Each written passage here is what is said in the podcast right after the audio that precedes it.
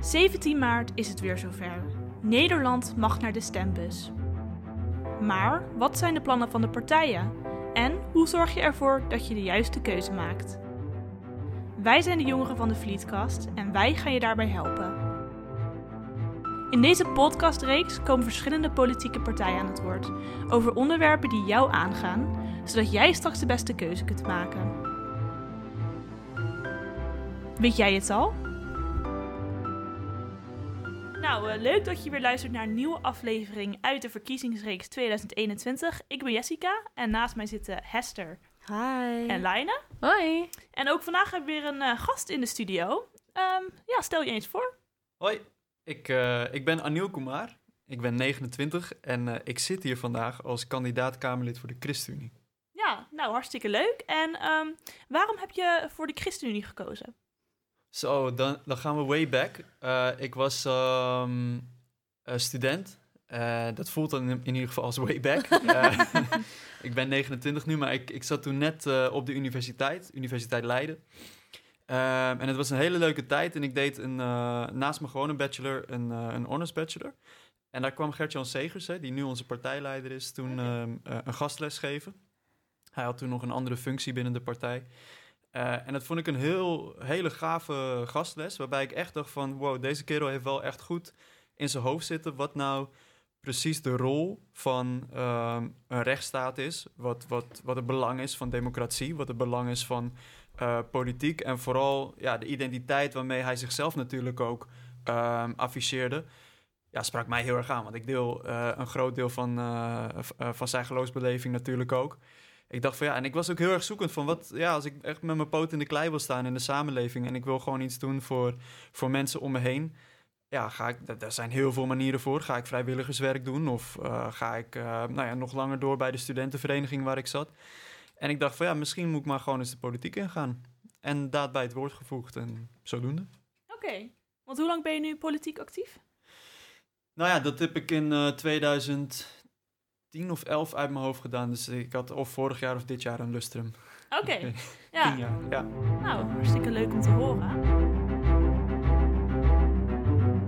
Nou, we gaan het zoals altijd over drie onderwerpen hebben. En we trappen af met het onderwijs. Een hartstikke relevant punt voor jongeren. En uh, nou, ik heb gelijk een vraag voor je. Um, ik zag namelijk dat een van de standpunten van de ChristenUnie is dat uh, jullie willen meer meesters en leerkrachten in het basisonderwijs. Hoe willen jullie dit bereiken? Nou ja, kijk, wat je, een van de andere punten die we ook bij diezelfde onderwijsparagraaf hebben, hebben staan, is uh, meer aandacht voor multiculturaliteit op school. Um, wat je ziet is dat we uh, in een samenleving leven waarbij de, de afstand tussen mensen onderling gewoon best wel aan het groeien is. Um, en de noodzaak om ook mensen uh, in de samenleving te hebben waarmee je jezelf identificeert, uh, uh, die nou ja, naar wie je kan opkijken als een rolmodel, die, die heb je gewoon steeds meer nodig. En als je kijkt naar uh, rolmodellen, dan, ja, ik weet niet hoe dat voor jou begon vroeger, maar een van de eerste mensen waar je toch een beetje tegen opkijkt, bijten je eigen fantastische ouders om, is toch vaak wel een beetje een goede docent op school, zeg maar. Uh, dus het belang dat je van, van een goede leerkracht voor de school hebben staan is, uh, en voor de klas hebben staan, staat voor mij betreft boven alles. Uh, ook boven iemands uh, afkomst, identiteit, gender, whatever. Um, maar ik denk wel dat we gewoon meer moeite moeten gaan doen om ook mensen met verschillende achtergronden voor de klas te gaan krijgen. En dat doe je bijvoorbeeld op de PABO al. Uh, ik denk dat je daarmee gewoon op de Pabo moet beginnen door uh, ja, meer reclame te maken, ook voor de studenten die daar niet direct voor kiezen. Uh, diversiteit gaat bovendien niet alleen voor, over, en je zei terecht al, over kleur, maar ook over meesters. Hè. We hebben on mm -hmm. onwijs weinig meesters voor de klas. dus ik was een paar jaar geleden heel erg blij verrast toen we het initiatief Kerels voor de Klas lanceerden. Oké, okay. vanuit de ChristenUnie? Ja, vanuit okay. de ChristenUnie. Ja, Kerels voor de Klas, waarbij we echt dachten van ja, weet je, uh, op de een of andere manier denken jongens uh, gewoon minder vaak aan dat beroep. Terwijl ja, het ook gewoon net zo belangrijk is om ook in die zin uh, goede mensen voor de klas te hebben. En we hebben schrijnend tekort aan leraren. Mm. Dus ja, dan, dan hebben we gewoon een hele wereld te winnen. En dat begint dan bij zo'n voorstel als dit. Ja, maar zeg maar concrete actiepunten. hebben, jullie, hebben jullie die? Oeh, dat is een gevaarlijke vraag, hè? Dat is een gevaarlijke vraag. ja, Heb ik ook, nee, ja, kijk, best wel moeilijk om hoe, hoe trek je mannen aan dan inderdaad? Want als je zegt van een rolmodel, ik denk dan al gauw, nou ja, meisjes zien al gauw een juf. Dus dan is het die link logischer. Uh, je moet dan toch dat stereotype zien te doorbreken. Ja, maar dat stereotype kan je alleen maar doorbreken door, uh, door gedrag. Dus ik, ik ben bijvoorbeeld echt onwijs tegenstander van quota in, in, in alles. Uh, dus ik ga ook niet een mannenquotum in het onderwijs of zo uh, opleggen. Maar ik denk dat je echt door je, door je eigen houding en, en, en je attitude... en wat je ook op de PABO dus meegeeft... of op, het begint al eigenlijk bij je studiekeuze op de middelbare school meegeeft... Ja, dat je daar dus ook mensen van alle genders dus interesseert om, om voor de klas te gaan staan. Uh, kijk, een, een concreet actiepunt. Ik denk dat je moet waken voor het idee dat de politiek of de overheid dat allemaal maar kan bewerkstelligen. Mm -hmm. uh, maar als we ons echt seks zouden houden aan wat de overheid zelf alleen zou moeten doen, dan krijg je wel hele karige verkiezingsprogramma's. Ik denk dat een verkiezingsprogramma ook moet ademen uh, wat jij wijs vindt en slim vindt voor de samenleving. En dit is nou precies zo'n voorbeeld. Oké, okay, en bijvoorbeeld uh, die actie Kerels voor de Klas, wat, wat hield dat in? Nou, ik, ik herinner me nog dat, uh, volgens mij was de eerste Instagram-post of Facebook-post toen nog van, uh, van ons huidige Kamerlid Eppo Bruins, die toen met een taart naar een van de weinige meesters die we dus in dit land hebben ging. Hm. om hen te waarderen van, hey, trots op jou dat jij wel het lef had om, om, dit, om dit vak te kiezen. Uh, maar we hebben toen ook een initiatief gelanceerd samen. Uh, we hebben op heel veel lokale plekken trouwens ook in gemeenten gedaan. Maar ook landelijk dus in de Kamer een, uh, een initiatief gelanceerd. En bij de minister van Onderwijs neergelegd destijds, 2015, dus vorig kabinet. waarbij we hen gevraagd hebben van... hey, als je nou kijkt naar de PABO... ehm, is er nou een mogelijkheid om binnen dat onderwijssysteem... waarbij mensen worden opgeleid om leerkracht te worden... ook de mogelijkheid om nou ja, je, in je reclames, in je campagneuitingen meer tot een andere doelgroep te richten om hen ook te werven. Ja, dat is een beetje hetzelfde als wat ze toen voor vrouwen in de techniek hebben gedaan. Van uh, vrouwen in de techniek, kom erbij, we willen leren. En dat dan voor mannen als leerkracht. Kijk, dit is je hebt mij niet helemaal niet nodig. Dit is gewoon een fantastische analogie. Eigenlijk, dat is precies hetzelfde uh, idee, ja. Ja, nou, ik heb zelf die campagne meegemaakt. En ik zit zelf ook in de techniek. Ik ben uh, laborant. Kijk. Um, eerst meer technisch, echt uh, deeltechniek, deeltilt. Mm -hmm. En nu volledig laborant. Mm -hmm. um, maar ook inderdaad, die campagne die haalde mij wel over van misschien toch niet zo. Misschien valt het inderdaad wel mee, al die, al die mannen. Nou, en het valt inderdaad wel mee. Goed, je hebt er inderdaad een paar rotte appels bij zitten. Uh, mannen die niet zo vriendelijk doen tegen vrouwen in de techniek. Maar er zijn er genoeg bij die uh, het wel willen. Ja, en dit soort stereotypen kom je dus overal tegen, ook buiten gender. Als ik bijvoorbeeld denk aan mijn uh, oud-klasgenoten die uiteindelijk geneeskunde zijn gaan doen bijvoorbeeld, hè, of in ieder geval in een ziekenhuis terecht zijn gekomen. Als je kijkt met, met wat voor dédain er soms wordt neergekeken op, uh, op, jonge uh, artsen in opleiding, weet je wel, die do, door er, nou ja, ervaren volwassen chirurgen. Of andere artsen. Dat zijn allemaal van dat soort stereotypen, zeg maar, waar we doorheen moeten breken. Want die maken allemaal onderdeel uit van dat ja, weet ik veel wat voor plafond we inmiddels hebben, glas of van weet, ik weet niet meer van welk materiaal het inmiddels is, maar we moeten er doorheen. we glas, moeten er doorheen. Ja. ja, we moeten er doorheen. ja, ik, ik vind het interessant. Je zei dat je tegen een quotum bent. Ja. Uh, waarom eigenlijk? Uh, ik vind het ouderwets. Uh, ik denk dat je, weet je, quotum was een jaar of vijf, zes geleden relevant. Ik, snapte, ik snap dat die discussie toen ook super hot was. Ja. Um, laat ik even een voorbeeld nemen uit het werk, uh, gewoon gerelateerde omgevingen. Dus ik ben 29, ja. ik ben nu afdelingshoofd. Uh, ik ben hiervoor bestuursadviseur geweest van wethouders van het college in Den Haag. Um, en zo'n hele bijzondere jongen ben ik niet. Uh, en dat zeg ik dan met, met enige bescheidenheid over mezelf. Maar wat ik Waar, waar, als ik het kan, daar geloof ik echt in, dan kunnen ongelooflijk veel meer mensen dit en nog veel meer dan ik. Mm-hmm. Uh, dus de tijd dat je weer op, om je talent gewaardeerd gaat worden, de tijd dat je weer om je merites gewaardeerd gaat worden, in plaats van partijen die heel dogmatisch volhouden dat uh, quotum de oplossing is uh, voor alles, mm-hmm. die tijd is nu al aangebroken. Bovendien, als je met een quotum begint voor het een, wanneer, waar stopt het dan? Dus het moment dat wij um, een quotum gaan invoeren voor mensen van kleur, hè, waar ik heel, heel vaak zelf in discussies over beland ben, ja. um, wat ik echt ook bijna als een persoonlijke belediging zie van, maar ben ik dan niet talentvol genoeg of zo? Ja. Er zijn er echt geen redenen om mij uh, om het op basis van mijn talent aan te nemen. Ja, ik, ik, ik snap dat wel op zich heel erg. Omdat je natuurlijk, ze hebben het ook vaak over dat je een vrouwenquote moet hebben aan de top, weet je, dat soort dingen. Ja. Uh, dus daar kan ik dan misschien wat meer in vinden. Uh, maar dan is het natuurlijk ook dat je kan het ook als een soort kracht zien. Dat iets dat misschien eerst werd gezien als iets slechts, nu iets positiefs kan zijn. Van we willen je juist hebben omdat jij een nieuw perspectief kan bieden dat iemand anders niet kan. Dat weet ik niet hoor. Maar dat, Zeker, maar als je dat denkt, dan heb je geen quotum nodig. Dus het, kijk, het gaat, het gaat mij er vooral om dat de mensen die nu aan de top zitten, Um, waarvan iedereen nog steeds denkt van... dat is het beeld van een jaar of vijf of tien geleden. De witte mannen, uh, jaar of 40, 50. Ik zat gisteren met een, uh, een PvdA-kandidaat te debatteren, Barbara Omen. Uh, en zij is decaan van de Roosevelt University uit mijn hoofd in Middelburg. Um, die nou ja, vervent voorstander van het quotum is. Terwijl ik denk, maar het, het is jou ook gelukt. Ja. Het, het, lukt veel meer mensen. Het lukt mijn generatie, onze generatie ook steeds meer om daar door die plafonds heen te breken en er te komen. Dus met, voor welk probleem zoeken we dan precies nog een oplossing in een quotum? Oh ja. Ik ben er hartstikke. Kijk, ik, ik deel van harte dat een divers bestuur of een diverse werkgever of een diverse organisatie heel erg het, uh, het werk en de resultaten bevordert. Ja. Dus een goede mix van verschillende leeftijden, verschillende achtergronden, gender, et cetera, dat bevordert de boel. Um, maar ik zie een quotum en een soort symbolische um, ja, ja, belediging bijna. In ieder geval voor mezelf dan. Ja. En ik, ik vind het achterhaald. Het is echt niet meer voor de tijd van nu. Nee, okay. inderdaad. Ik denk ook wel, je forceert bedrijven nu om uh, iemand aan te nemen van...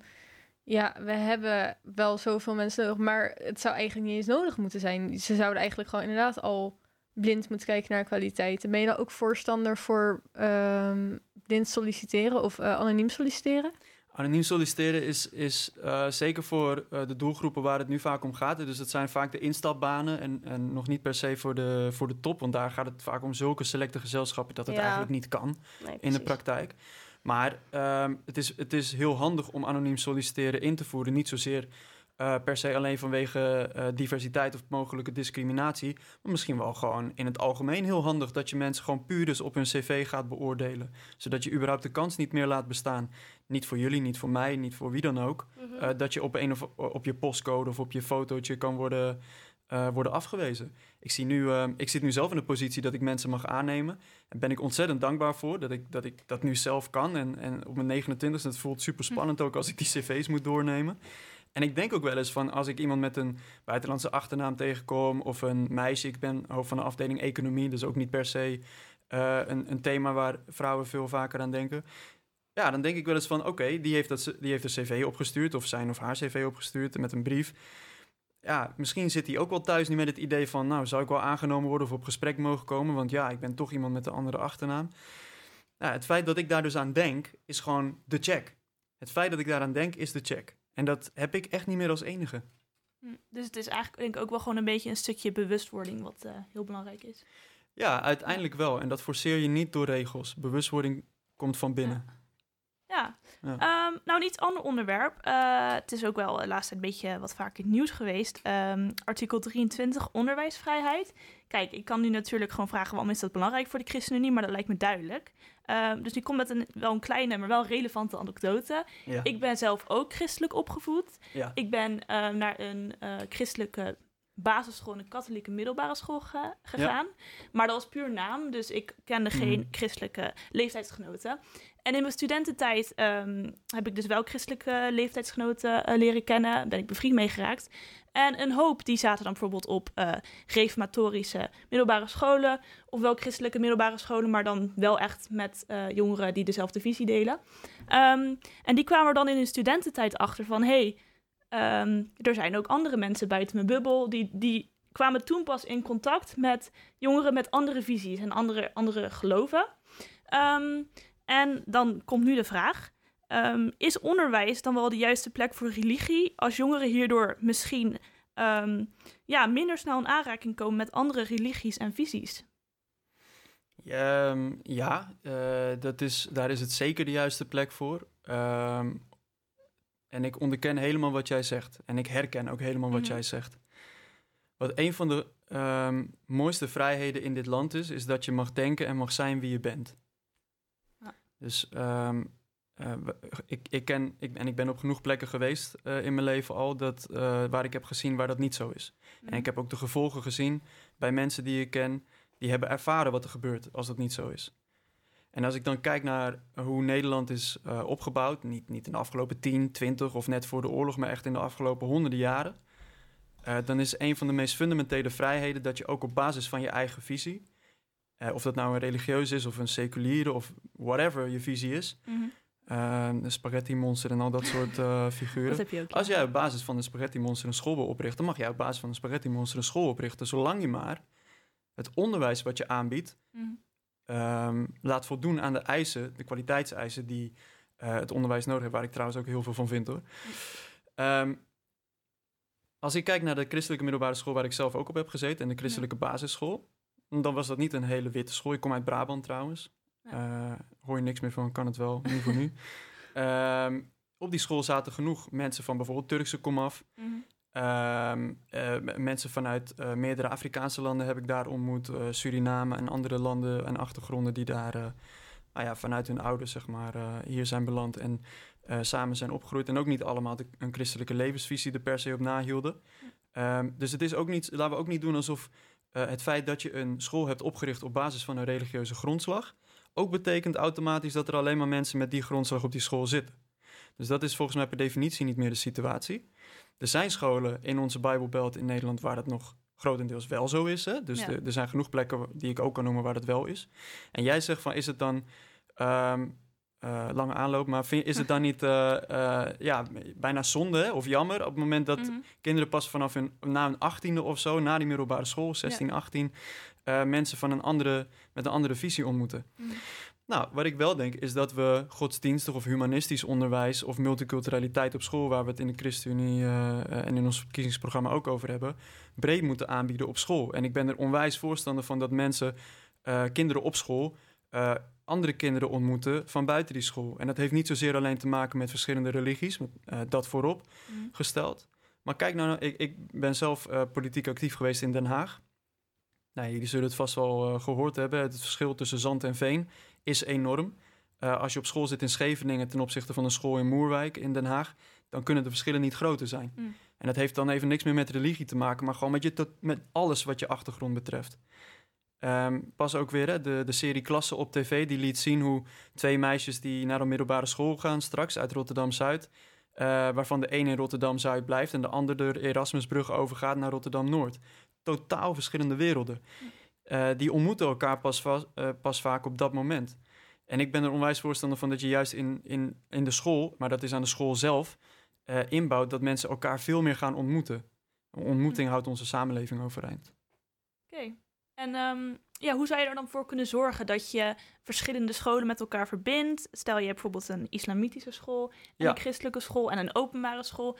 Hoe zouden we daar bijvoorbeeld voor kunnen zorgen dat je dan wat meer um, ja, bijvoorbeeld samenwerkingen hebt. Of, of ja, dat die mensen elkaar gewoon wat meer kunnen ontmoeten. Is dat denk je mogelijk? Nou, dat laatste zeker. Maar ja. laten we het ook over de rollen hebben. Kijk, ja. um, wat bij die bijzondere vrijheid van onderwijs hoort, is dat, dat er ook een bepaald eigenaarschap hoort bij scholen. Hè? Dus dat we scholen heel onafhankelijk gehouden hebben in Nederland. Dat scholen zelf mogen bedenken hoe ze dingen inrichten.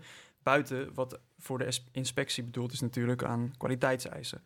Uh, dus ik wil dit ook niet voor hen invullen, maar ik wil best een poging wagen. Laten we in een hypothetische situatie even die twee scholen van net nemen. Moerwijk en Scheveningen. Ja. Um, nou, laten we ervan uitgaan dat het vrij gemixte scholen zijn. Maar even voor de sake of argument. Een christelijke school in Scheveningen en een, uh, een gemixte school in Moerwijk. Uh, je kan door allerlei activiteiten voor kinderen en sport met name... dat vind ik een van de belangrijkste onderwerpen... ervoor zorgen dat kinderen elkaar veel meer gaan opzoeken. Uh, tegelijkertijd uh, vind ik het ook belangrijk dat kinderen juist heel erg gebonden worden aan de wijk waar ze zitten. Dus dat je in een wijk opgroeit waar je ook alle faciliteiten hebt om op te groeien. Dat je in een wijk woont waar, je, waar het goed wonen is, waar een goede school zit, waar een goede sportvereniging zit, waar er goede buitenspeelplekken zijn. Um, en dat, daar voldoen we ook nog lang niet aan. Dus het is, het is het een en het ander. Ik zou graag willen dat ze elkaar ontmoeten.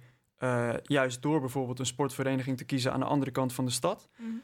Um, hè, waarbij je elkaar ook buiten school ontmoet. Kim Putters zei trouwens pas, hè, de directeur van het SCP bij Nieuwsuur nog, uh, naar aanleiding van die serie klassen. Ja, Uh, laat elkaar samen gimmen, weet je, in, in de, of in de pauzes elkaar ontmoeten. Nou, dat vind ik hele interessante voorbeelden. En die kan hij vanuit zijn positie doen. En ik vind dat de politiek daar iets minder mee bezig moet zijn. Ja.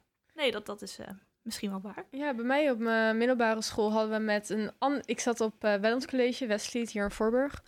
Uh, wij hadden één keer per jaar hadden wij een sportdag met een ander Welland College. Dus dan, uh, dat was Madestein, dus dat is iets verder weg. Ja. En dan hadden we gewoon een voetbalwedstrijd. Kon je, kon je teams opstellen, kon je jezelf opgeven en deed je mee. Dan kon je meesporten en deed je niet mee, dan zat je op de tribune. Dat is natuurlijk ook een manier om elkaar te ontmoeten. Zit je wel in dezelfde uh, gemeenschap, zeg maar, of mm -hmm. op dezelfde middelbare school. Maar toch weer andere wijken, inderdaad, wat je zegt. Ja. En ik denk koningsspelen, dat zijn ook natuurlijk weer van dat soort momenten. Zeker. Koningsspelen zijn een supergoed voorbeeld. Zeker in Den Haag was het altijd een groot feest. Maar probeer het ook allemaal niet zo maakbaar te, te bedenken. Hè. De, de, samenleving is niet maakbaar. Daar hebben we nou de afgelopen 20, 30 jaar van geleerd, hopelijk. Um, maar laat kinderen ook zelf ontdekken. En echt als je ziet van dat het gewoon helemaal de verkeerde kant op gaat of fout gaat, dan grijp je in. Maar geef een kind ook de ruimte om, om mensen te leren kennen en op plekken te komen. Ik denk dat we doorgaan naar onderwerp nummer twee, dat is duurzaamheid. Um, nou, in het debat van NOS op 3 zei Segers dat we de klimaatdoelen afgelopen jaar hebben gehaald, maar dat het mede dankzij corona is gekomen. Um, hoe moeten we de doelen behalen als uh, na de crisis het norma normale leven weer op gang komt? Ja, waar te beginnen? Ik merk dat je ons uh, verkiezingsprogramma goed hebt doorgenomen. Dus dan weet je ook dat er een pagina of 20 uh, of 15 of zo in staat aan allerlei voorstellen. Ja. Um, zal ik er gewoon even een paar uitpikken die voor mij echt uh, het verschil gaan maken? Ja, dus zeg maar, hoe ga je ervoor zorgen dat je die klimaatdoelen haalt? Ja, ja Wat is klimaatdoelen. Ja, ja, ja, maar dat doen we dus op hele verschillende manieren. En mhm. ik, ik, laten we er gewoon een paar uitpikken die heel erg ook van elkaar verschillen. Um, nou, laten we beginnen met een bekender onderwerp: CO2-tax. Mm. Uh, CO2 veel meer in de industrie uh, belasten. Uh, de vliegtax. het vliegen veel meer belasten. Het veel makkelijker maken en bereikbaarder maken van OV. Um, als je bijvoorbeeld een kaartje koopt van Den Haag naar, um, nou, laten we zeggen... Groningen is, is 30 euro. Naar Groningen, ja. Nou, daar kan menig Ryanair zeg maar mee concurreren voor een prijs, voor een vliegreis naar Barcelona of Malaga volgens mij. Ja, dat maakt eigenlijk. Hm? Bizar eigenlijk. Bizar, ja, ja. ja, dat is bizar. Dat is ook echt bizar. Um, maar even dichtbij, hè. Dus stel je... Nou, oké, laten we zeggen, je zit in Haarlem. Zag ik ook mhm. pas. Je zit in Haarlem en je wil naar Zandvoort. Uh, dat is net zo duur als van Haarlem naar Haarlem-Zuid. Terwijl je best wel een stuk verderop reist, zeg maar. Um, en ik kom niet zoveel in Zandvoort en ook niet in Haarlem. Maar uh, het hele idee dat je zeg maar, over een veel langere afstand... Uh, of over, een korte afstand veel meer, evenveel betaalt als over een langere afstand... is natuurlijk heel vreemd. Uh, dus je moet het veel betaalbaarder maken om met het OV te gaan. En dus ook de korte afstanden die we nu ook veel met de auto doen. Um, nou, en ik rij uh, nog best wel wat in mijn autootje. Uh, en ik weet gewoon, tenminste daardoor ook, dat nou ja, als je op korte afstanden moet rijden, dat je relatief veel meer verbruikt. En als je de hele tijd op de snelweg zit, bij wijze van spreken. Relatief gezien. Hè? dus je moet het OV veel bereikbaarder maken. Je moet de vliegtax invoeren. Um, een ander voorbeeld wat me ook heel erg aanspreekt. Mm onze huizen, veel van onze huizen, zijn totaal niet duurzaam. Dus ons energieverbruik is echt, echt hoog. Okay. Um, wat wij daarom voorstellen, en je moet af en toe een beetje met een, uh, uh, een lekker populair voorstel komen in zo'n verkiezingsprogramma. Uh, wij stellen de nationale isolatiebrigades voor. Ja, dat Klinkt zijn. interessant. Ja, ja ben ik wel benieuwd. dat is zeker interessant. Dat is zeker interessant. Nee, maar kijk, als ik, um, als ik in Den Haag Zuidwest zit, hè, en Den Haag Zuidwest, even voor jullie beeld, pak een beetje net zo groot als Leidschendam Voorburg samen. Hè, dus daar zitten ongeveer 110, 120.000 inwoners. Dat is huge. En dat zijn allemaal mensen die in principe in naoorlogse uh, wijken en woningen wonen, die totaal uitgerangeerd zijn. Dus waar de, uh, uh, waar de isolatie dramatisch is, waar de schimmel op de muren zit. Uh, die mensen zijn overigens ook het eerste de kind van de rekening op het moment dat wij al onze fancy klimaatdoelen willen halen. Want het is voor hen totaal onbetaalbaar. We moeten het voor hen veel betaalbaarder maken. Mm -hmm. En we moeten isola met isolatiebrigades juist dit soort huishoudens helpen om je huis veel meer te gaan isoleren. Mm -hmm. En op het moment dat je dat soort keuzes maakt, hè, voor bijvoorbeeld in dit geval 110.000 inwoners, praten over zeven wijken in één stad. Dat is een enorme stap voorwaarts. Dat is echt een enorme stap voorwaarts. Um, nou ja, in ons plan, of in ons verkiezingsprogramma genoeg plannen. Tegelijkertijd wil ik ook hier zeggen, uh, je, je, moet niet continu plannen maken, zoals we het afgelopen jaren heel veel gedaan hebben. We hebben een klimaatakkoord. Mm. En we moeten met dat klimaatakkoord nu eindelijk een keer aan de slag. In plaats van dat we nu weer een kabinetsperiode gaan gebruiken om nog meer goede ideeën te bedenken hoe we die crisis in principe gaan halen of uh, gaan verslaan. Want dan kunnen we ondertussen zeggen dat we klimaatneutraal in 2100 worden. Uh, zeg ik even gechargeerd. Ga Mhm. gewoon doen wat we beloofd hebben. Oké. Ehm, en wat hebben jullie dan de afgelopen vier jaar geprobeerd al? Nou, ik denk dat eh, met de Green Deal, eh eh, Gert-Jan Segers zegt natuurlijk ook niet voor niets dat we met het klimaatakkoord echt enorme stappen hebben gezet. Ik wist trouwens niet dat we het al gehaald hadden, dus dat is even een... Ja, het is volgens mij echt vorige week of zo. Vorige week, wow. Toen heb ik het gezien. Maar wel weer ruim na Earth... O- oh nee, voor Earth Overshoot Day. Dus eindelijk een keer goed nieuws aan het begin van het jaar. Ehm, nou ja, wat we, hebben, wat we hebben bereikt in de afgelopen jaren... eh, is in ieder geval een hele grote sto- stikstofreductie. En dat ja, daar ben ik ook eerlijk in. Dat heeft best wel wat voor, eh, voor rumoer gezorgd. Ook hier in de omgeving trouwens. Ehm, en dat begrijp ik heel erg goed. Eh, we moeten boeren ook niet het kind van de rekening laten worden... voor de stikstofproblematiek die we zelf gecreëerd hebben. Ehm, maar als je kijkt naar eh, hoe wij bijvoorbeeld veel scherper zijn geweest op Lelystad Airport, hè, waarbij we ook ehm, een glijdende schaal hadden kunnen zien, hè, als die open was gegaan, is het echt niet zo dat alleen de Schiphol-vluchten waren afgevlakt. Maar daar kwamen gewoon per saldo meer vluchten bij. Daarom zeggen we ook nu in ons verkiezingsprogramma niet doen. Dat zijn van die kleine speldenprikjes waarmee je probeert om, ehm, om aan de slag te gaan met, naar een beter klimaat. Eh, het 100 km per uur rijden is een Mhm. grote stap geweest. Eh, Ja. VVD vond het natuurlijk dramatisch. Ehm, nou, wij vinden het altijd wel lekker als de VVD iets dramatisch vindt. Dus we hebben maar in het programma gezet, doe maar alles 100 km per uur. Gewoon ook s'nachts. Oké, oké. Eh, dat zijn van die, eh, van die ideeën die, die daar wel aan bijdragen. Maar die, waar, waar sommige mensen ook wel eens van denken, en dat begrijp ik best, hè, van ja, weet je, 100 km per uur gaan rijden. Zijn dat nou echt de dingen die ons aan de klimaatdoelen eh, gaan helpen? Nou ja nee. Ja, zeker. Het levert een bijdrage. Maar soms moet je ook gewoon zeggen, eh, om het tussen onze oren te krijgen, in onze kopjes een beetje te gaan prenten, ehm, heb je soms bepaalde gestes nodig, politieke keuzes nodig, die lef vragen en misschien niet de meest populaire keuzes zijn. Uh, maar als je echt wil werken aan een aarde die je kan doorgeven aan de volgende generatie. Mm. Um, en daar zit ik het toch ook een beetje voor. Ik hoop dat als ik ooit kinderen gegeven krijg, dat ik daar uh, een, een, mooie aarde voor achterlaat. Dan zijn dit soort voorstellen waar ik later op de verjaardagsfeestjes op terugblik en zeg van dit, dit, dit is hoe we het gedaan hebben. Dit is hoe we het gered hebben samen. Ja, nou, ik. Uh, ik even niet wat ik zeg. Nee, uh, ik denk goede voorbeelden. ja. Um, nou, ik wilde ook even, jullie uh, zijn ook voorstanders van um, zonnepanelen en uh, windmolens. Ja. Um, en ik vroeg me af, waar willen jullie dat die parken komen? Of wil je het meer op huizen doen? Hoe moet ik dat voor me zien? Ja, zonnepanelen uh, veel meer op daken. Um, wat wij nu hebben gedaan in de afgelopen jaren als Nederland is heel veel zonneparken aangelegd in uh, groengebieden, natuurgebieden. Mm. En dat is eigenlijk helemaal verkeerd uitgepakt. Ik zag uh, volgens mij twee weken geleden nog een uh, uitzending. En dat moet je ook gewoon toegeven. Dus dat, dat hebben we geprobeerd vanuit de goede intentie. Uh, maar de biodiversiteit in die gebieden is gewoon heel slecht ge uh, geworden daardoor. Mm. er zijn allerlei testjes en slimme laboranten mee bezig geweest om dat te onderzoeken. En en dat, dat hebben we vernacheld. Daarom zeggen wij veel meer op daken. Ik zag uh, recent ook weer hoeveel bedrijfterreinen, ben ik in het dagelijks leven ook veel mee bezig, um, het nog heel moeilijk vinden om hun daken vol te leggen met zonnepanelen. Soms komt dat gewoon ook echt omdat de constructie waar die bedrijven in gebouwd zijn, uh, helemaal niet gebouwd zijn op het dragen van dat soort zonnepanelen. Dus dat vraagt best wel veel om investeringen. Nou, daar moeten wij als overheid dan ook gewoon de portemonnee voor trekken. En ook niet de bedrijven uh, daarvoor de, alsof het een soort boete is voor laten betalen om die investering te doen. We moeten zelf met de investeringsagenda komen. Uh, wind, ja, op het land, maar ook zeker op zee. Uh, ook zeker op zee. Het liefst wat mij betreft buiten de 12 mijlzone. Dat is een, een, uh, een afstand, zeg maar, uh, zeemijlen die vanaf de kust berekent, zeg maar. Mm. Um, zodat je, nou ja, als je op het strand staat, als het goed is, ook niet meer die, of, die windmolens op zee ziet. Um, en met oog voor, dat, dat maakt het allemaal wel heel wat lastiger, maar met oog voor de vissers. Oké. Okay. Als ik kijk naar hoe wij de windparken nu op zee gebouwd hebben, dan, en vraag het aan de Scheveningse vissers hier om de hoek, uh, die zijn niet per se blij met de positie van al die windparken. Uh, omdat zij nou ja, daardoor serieus in de problemen komen met hun business. niet altijd handig is. Um, en aan de andere kant, niet alleen vanuit economisch perspectief, maar je hoort ook heel veel, zelfs Partij voor de Dieren en dat soort partijen, ook praten over de biodiversiteit in zee. Die last hebben van het plaatsen van die windmolens. En ik zeg niet dat we alles met elkaar kunnen balanceren. Dus we maken wel gewoon duidelijk de keuze, ze moeten op zee.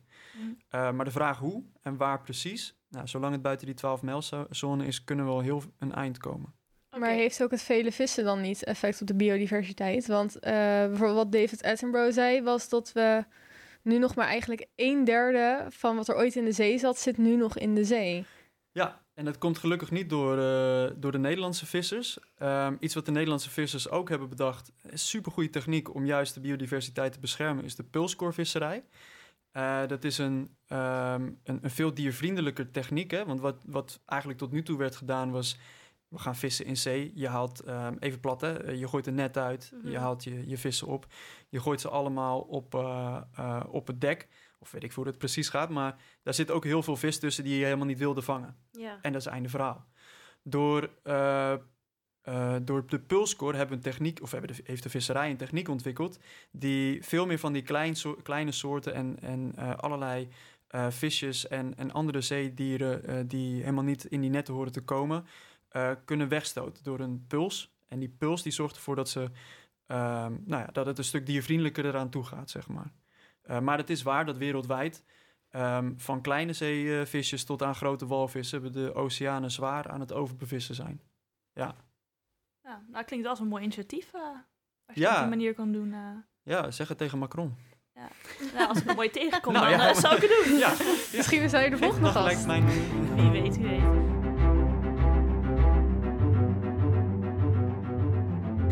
Ja, ik denk dat we doorgaan met het volgende onderwerp. Dat is huisvesting. En ik heb een vraag van Elise uit Leiden. In jullie partijprogramma lees ik dat jullie knokken voor gelijke kansen voor starters en jonge gezinnen op de woningmarkt. Mijn vriend en ik zijn zelf al sinds september op zoek naar een huisje in de Randstad, maar tot nu toe zonder succes. Twee fulltime startsalarissen lijken eigenlijk gewoon niet meer genoeg uh, om een huisje te kopen in deze oververhitte markt. Jullie strijden voor een gezonde woningmarkt, waarbij onrechtvaardige verschillen tussen kopers en huurders verdwijnen en iedereen een betaalbaar en duurzaam huis kan vinden. Nou, ik zou daar heel erg blij mee zijn, maar ik ben wel heel erg benieuwd hoe jullie dat concreet willen gaan realiseren. Nou, ze heeft zich goed uh, ingelezen. Goeie vraag. Ja, ja uh, ik hopelijk ook. Dit zijn trouwens echt de drie thema's waar ik gewoon nooit, niet, niet zoveel mee bezig ben. Dus ik ben. Uh, um, kijk, ik, ik woon zelf in Soetermeer. Mhm. En het vinden van een, van een beetje betaalbare woning heeft me ertoe gedreven om daar een huis te vinden, omdat het in Den Haag gewoon niet, niet lukte. Het was gewoon echt te duur. Maar zo te duur dat het abnormaal is en, en ook eigenlijk asociaal is. En dat laat je vriendin of je, je Elise uit Leiden ook, ook horen. Mm. Um, wat wij, er zijn een aantal dingen die we doen. En het, het, probleem is, is dat het vrij complex is, omdat dat er eigenlijk de ene maatregel leidt tot de andere. Het is een vrij complex systeem, maar ik, ik probeer het simpel uit te leggen. Um, het begint allemaal met bouwen. Mm. Het begint allemaal met bouwen. 100.000 woningen per jaar erbij. Um, wat we gaan proberen te doen is uh, ook om heel veel mensen die uh, niet kunnen doorstromen, laten doorstromen. Dus er worden op dit moment heel veel woningen bezet door mensen die eigenlijk een andere woning zouden moeten hebben, uh, waar starters nu geen aanspraak op kunnen maken. Voorbeeld, 1 miljard euro uittrekken om oudere woningen uh, te realiseren. en omdat zij in nieuwe woningen kunnen gaan trekken, een mhm. intrek kunnen gaan nemen, levert dat per saldo heel veel vrije huizen op voor starters. Daarna zijn er een aantal fiscale maatregelen, dus belastingtechnische maatregelen, die, de, die ertoe moeten leiden dat starters ook veel makkelijker een woning kunnen vinden.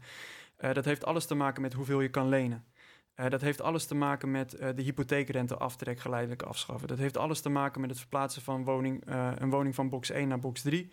Ehm, en het toegankelijk maken van de gehele woningmarkt, dus ook de huurdersmarkt, uh, voor starters. Um, hè, voor starters om nu in een sociale huurwoning te komen is dramatisch. De wachtlijsten zijn enorm.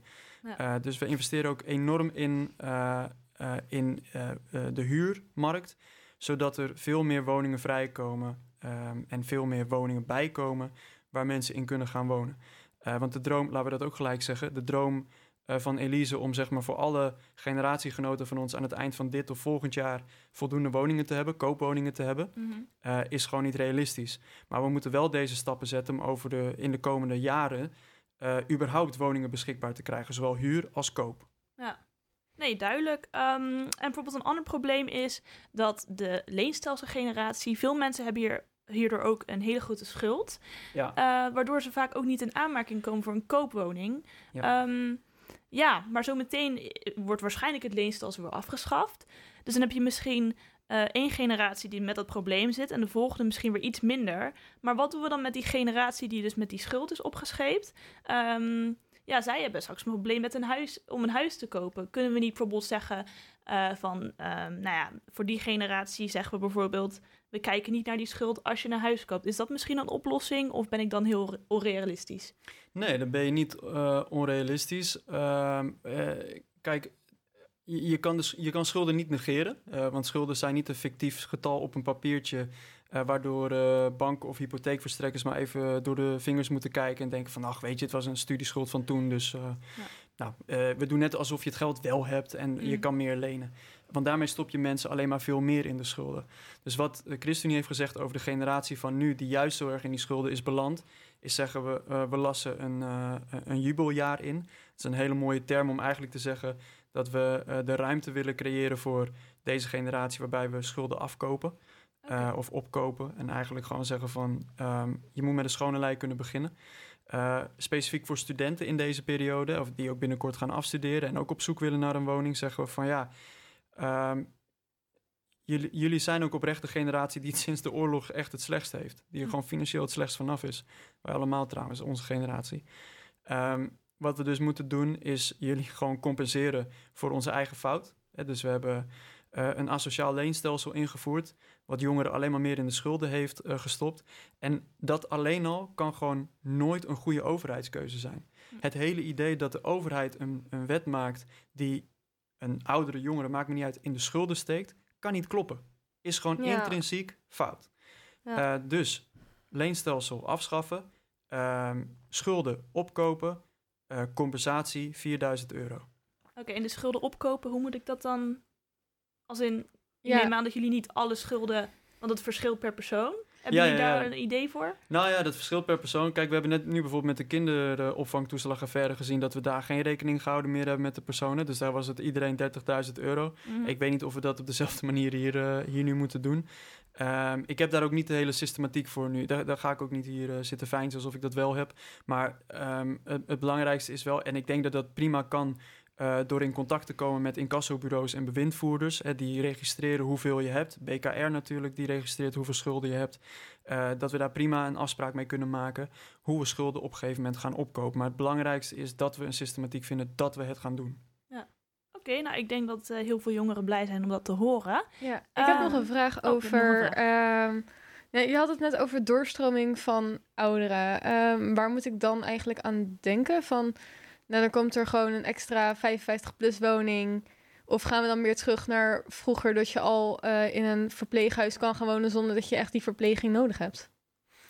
Oh, vind ik een hele, vind ik een hele interessante optie. Uh, ik, ik, ik vind niks mis met het idee, zeg maar, wat we een aantal jaren geleden met die uh, verbloemde participatiesamenleving lanceerden. Namelijk dat ouderen zo lang mogelijk zelfstandig thuis moeten kunnen wonen. Het was toen eigenlijk een crisismaatregel. Hè. De verpleeghuizen die uh, liepen daardoor ook leeg, kwamen echt leeg te staan. Allemaal om uh, te bezuinigen. Maar het hele idee dat je als oudere zo lang mogelijk zelfstandig kan thuis blijven wonen nou ja, er zijn weinig ouderen die daar nee tegen zeggen. Die willen juist graag in een vertrouwde omgeving blijven wonen. Ja. Dus dat betekent dat we er per saldo meer huizen bij moeten kunnen krijgen. In, het liefst in de omgeving waar ouderen ook wonen of zijn opgegroeid. Uh, zodat de bestaande huizen vrijkomen. Dus dat betekent bijbouwen. Uh, en dat betekent ombouwen. Dus ook de, inderdaad, uh, eh, 1 miljard euro is niet alleen voor het bijbouwen, maar ook voor het omkatten van leegstaande gebouwen of iets dergelijks naar woningen voor ouderen. Ja, want het lijkt mij, dan heb je dus jarenlang met je gezin in zo'n mooie, mooie gezinswoning gewoond. Je kinderen zijn het huis uit, je hebt misschien wel eens kleinkinderen. Het laatste wat je wil is verhuizen naar een huis, naar een 55-plus woning. En dan weer moeten verhuizen om naar verpleeghuis te gaan. Dus dat lijkt mij uh, hetgene waar je het meest tegenaan loopt uh, met die doorstroming. Ja, Kijk, en daar zit ook iets maakbaars in. Hè? Dus het hele idee dat we hebben gezegd... ouderen moeten zo lang mogelijk zelfstandig kunnen thuiswonen dat is niet iets wat we even met een wet kunnen regelen. Dat heeft alles te maken met hoe een oudere is, uh, hoe die er fysiek en mentaal aan toe is en ook een hele belangrijke in, in jouw voorbeeld, vind ik, of er nog een gezin is, of er kinderen zijn. Uh, we hebben onwijs veel eenzame ouderen die helemaal geen gezin meer hebben om op terug te vallen. Um, en juist voor hen zou zo'n woning misschien wel een uitkomst kunnen zijn. Uh, maar laten we wel wezen, ouderen kunnen pas zelfstandig thuis blijven wonen. Niet alleen als de stenen er staan, maar ook als de mensen er zijn. En dat zijn soms de handen aan het bed, uh, maar dat is ook gewoon een sociaal netwerk om je heen. En voor de ene is dat de kerk, voor de ander is dat je gezin, voor, of soms allebei. Voor de, voor de derde zijn dat weer buurtbewoners, de buren. Zolang je dat sociale netwerk ook maar creëert. Um, en ik durf best wel te zeggen dat die 1 miljard misschien niet alleen naar stenen gaat, maar ook naar mensen. Ja, dus naar de wijkverpleging en dat soort dingen. Bijvoorbeeld, bijvoorbeeld, ja. Oké, okay. voor mij uh, is het duidelijk. Ja. Dan gaan we door naar het volgende punt. En dat is dat je uit je eigen programma ja, iets mag toelichten wat jou aan het hart ligt of uh, wat je belangrijk vindt. Ja, ik heb even zitten nadenken, want het, uh, we hebben echt gewoon dit keer ons best gedaan op een verkiezingsprogramma met 144 pagina's. Dat, ja, dat zag ik. Echt, even serieus. Hetzelfde als de VVD was ook uh, behoorlijk... Uh, 130 was de VVD, ja, ja. dus ja, maar wij hebben ook nog. weer allerlei leuke samenvattingen. De zeven redenen, test.nl. Ah. We hebben een, leuke samenvatting op YouTube. Maar um, een van de punten die, ik, die mij echt aan het hart liggen en ik hier graag wil uitlichten... Um, is alles wat we in ons programma hebben opgeschreven over mensenhandel. Mm -hmm. Dus jij vroeg me aan het begin van wat is nou de reden waarom je echt de politiek in bent gegaan? Um, in, in ons land is, uh, is er van alles mis waar we aan kunnen werken voor grote groepen. We hadden net over ouderen, uh, jonge starters. Dat, zijn, dat gaat niet over vijf of tien, maar echt over tienduizenden, soms honderdduizenden mensen. Uh, in ons land leven ook een aantal mensen die soms maar een handje, waarvan soms maar een handje vol te maken heeft met um, hele erge problemen. Denk aan huiselijk geweld, denk aan mensenhandel, radicalisering. Dat soort onderwerpen hoor je uh, de laatste tijd ook veel minder over. Hè? In corona heeft het een kleine opleving gehad, maar je hoort er nu weer veel minder over. Het zijn vaak taboe onderwerpen. Precies voor die onderwerpen ben ik de politiek ingegaan. Precies voor die personen die eigenlijk geen stem hebben, wil ik die stem zijn. Precies voor die personen die elke dag in dat onrecht leven, en, en, probeer te beseffen wat het woord onrecht betekent. Hè? Dus dat, dat, je, dat je in een situatie leeft die niet normaal is, die, die onrechtvaardig is, die, die mensonterend is zelfs in, in heel veel gevallen. Dat zijn de, uh, de mensen waar mijn hart voor klopt. Mm. Um, en in het bijzonder zijn dat slachtoffers uh, of survivors, zoals ik ze liever noem, van mensenhandel. dus dat je verhandeld wordt als mens, dat je afgekocht wordt, uh, dat je als mens gedeeld wordt tussen een ontvanger en een verkoper, uh, voor seks, voor uitbuiting, voor, nou ja, noem het maar op. Uh, uithuwelijking bijvoorbeeld. Dat, dat onrecht is zo groot en zo onzichtbaar. Het gebeurt achter de voordeur, het gebeurt in afgelegen loodsen, het gebeurt soms in hotels waar je elke dag langs loopt. Er zijn talloze plekken waar het kan gebeuren en we het niet zien. Dat onzichtbare leed wil ik zichtbaar maken. Ja, mooi, denk ik. Ja, en uh, waar moet ik dan aan denken? Zeg maar, is dat dan gewoon inderdaad een soort van politieteam of zo wat er dan bij moet komen? Of is dat gewoon meer educatie? Ja, sorry, ik verval meestal gewoon in een soort uh, afspeelplaat waarvan ik denk, dit, dit gaat me zo aan het hart en dan vergeet ik de concrete maatregelen. Maar laat me een paar uitlichten. Um, een van de dingen die ik zelf in het verkiezingsprogramma heb laten noteren, is dat er een generatiebrede voorlichting moet komen. Uh, ik zie dat er um, heel veel geïnvesteerd is de afgelopen jaren in uh, loverboy-preventie. Dus dat we investeren in voorlichting om te voorkomen dat iemand slachtoffer wordt van een loverboy. Uh, maar ik wil ook dat we voorlichting geven aan de mensen die daar helemaal niet per se slachtoffer van worden, maar wel moeten leren herkennen op het moment dat het met een klasgenoot gebeurt. Dat is een van die voorbeelden. Ja, er moet veel meer geld bij voor justitie, voor uh, alle NGO's die bezig zijn uh, om dit leed aan de kaart te stellen. Dus in hulpverlening, in voorzorg, in nazorg, preventie, uh, hetzelfde als voorzorg. dat soort onderwerpen, daar moet veel meer geld tegenaan ge gegooid worden. Ehm, ook, en, dat is misschien nog wat het mooiste, de, een van de specifieke dingen waar NGO's of organisaties mee bezig zijn, is die mensen een, een nieuw leven bieden. Um, dus uh, je bent survivor van mensenhandel. En dan, je moet je echt voorstellen dat je hele wereld totaal anders is dan onze. Je bent eigenlijk anoniem geweest. Want dat, ah ja, als, als dat geregistreerd was of als jij bestond in het systeem, dan was het wel opgevallen. Dus het zijn mensen die uit de anonimiteit getrokken worden, in de light, zeg maar, worden getrokken. Um, en voor wie eigenlijk het hele leven opnieuw begint. Waar, begin je aan een opleiding, een baan, een huis? Uh, alles, moet, alles moet geregeld worden. En die NGO's die juist uh, mensen helpen om hen daar weer voor op de been te krijgen. Hè? Dus in de light te trekken, maar ook dus een beetje de weg te plaveien voor hen, zodat ze uh, niet alles zelf hoeven uit te zoeken. En, en dat het allemaal juist klaar staat voor hen. Die hen koppelen aan werkgevers, die hen koppelen aan stagebegeleiders, die hen koppelen aan onderwijsinstellingen, uh, die hen koppelen aan de sociale dienst bij de gemeente.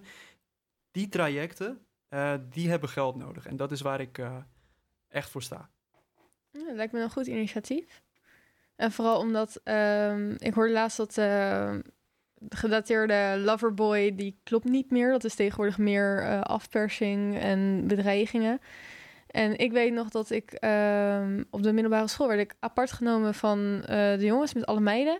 En toen kregen wij meiden alleen voorlichting over loverboys. En dat vond ik, ik werd er echt boos om. Want ik dacht van ja, maar ik ben niet de enige die ervoor kan vallen. Jongens die, die homo zijn, die kunnen er ook voor vallen. Nou ja, niet, uh, het, maar je kan het ook worden. Je, hè, dus, Precies. Dus, uh, en en uh, ik weet nog dat ik hier op een gegeven moment in een raadsdebat zat in, in de gemeente Den Haag. Um, en toen was Josias van Aartsen nog de burgemeester. En die zei ook toen heel terecht: de hele term loverboy klopt gewoon niet. Het zijn gewoon pooierboys. En het zijn trouwens ook girls. Het zijn, er zijn ook meiden die het helaas doen.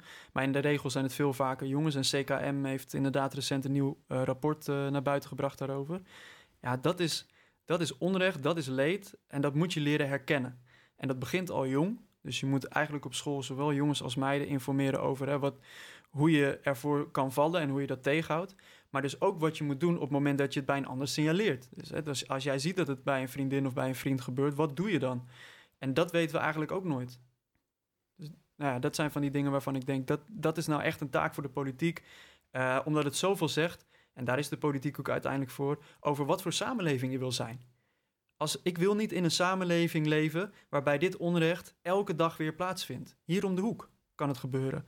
Dat is niet letterlijk met Fleet Goes, met Fleet Rocks, maar gewoon daarbuiten zeg maar. Je, je wil gewoon niet dat het hier gebeurt. En, en daar moeten we tegen strijden. Ook als het maar soms om een handjevol mensen gaat.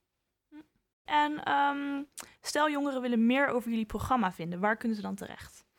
Nou, dat kan op uh, christenunie.nl slash verkiezingsprogramma. Uh, dat kan ook gewoon door mij te contacten. Uh, ik probeer het altijd op een beetje laagdrempelige manier te doen. Dus als je me wil vinden of als je gewoon een keer een relaxed gesprek wil hebben over politiek aan zich, hoeft niet per se over onze partij, kan je me altijd benaderen. Mm -hmm. volg ons op Insta, Facebook, Clubhouse tegenwoordig ook, TikTok volgens mij niet. Ik hoop het niet. en en al het andere niet, nee. wat nee. werkt. Ja.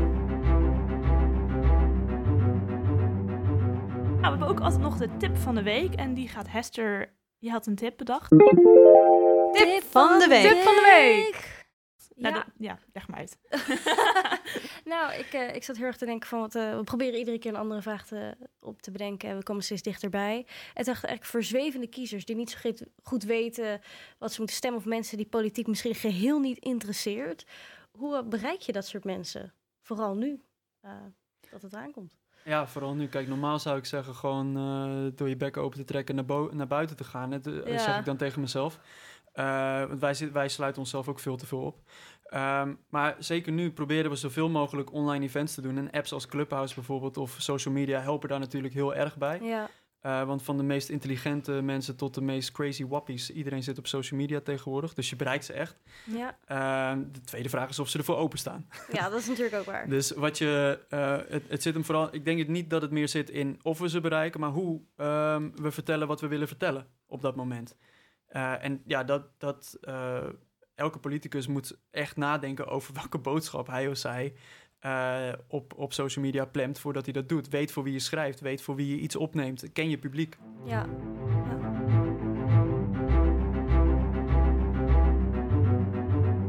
Oké, okay, goed. Nou, dan uh, zijn we denk ik uh, bij, de einde, zo, bij het einde van deze podcast beland. Um, hartstikke bedankt dat je langs wilde komen. Succes met de campagne. En nou ja, ik ben heel erg benieuwd wat er 17 maart wat er gaat gebeuren. Ja, ik ook. Ik nou, uh, sta op plek 29, dus je kan op me stemmen. En als je denkt plek 29 voor een partij met vijf zetels is een kansloze exercitie, weet dan dat ik bij een partij zit die in wonderen gelooft. Dus... Ja, precies. De wonderen zijn de wereld niet. Ik wou het zeggen. Nee. En uh, denken jullie, uh, hopen jullie weer zeg maar in het kabinet te komen volgende keer? Oh, dat is nooit het uitgangspunt. Ik hoop Nee. dat we in de Kamer blijven met in ieder geval vijf en hopelijk meer zetels. Mm. Eh, dat we die stem kunnen zijn waar ik het net over had voor die mensen. Ja. Eh, en als we, de, als we gevraagd worden, zullen we er staan. We gaan nooit met verantwoordelijkheidsvakantie. Ehm, maar laten we gewoon eerst kijken wat de uitslag is. En eh, die zal vanzelf uitwijzen wat wijs is. ehm, wie eerst aan tafel komt en wie eventueel later. Nou, eh, Heel erg bedankt voor het luisteren. Ja, en eh, tot de tot de volgende volgende keer. yes.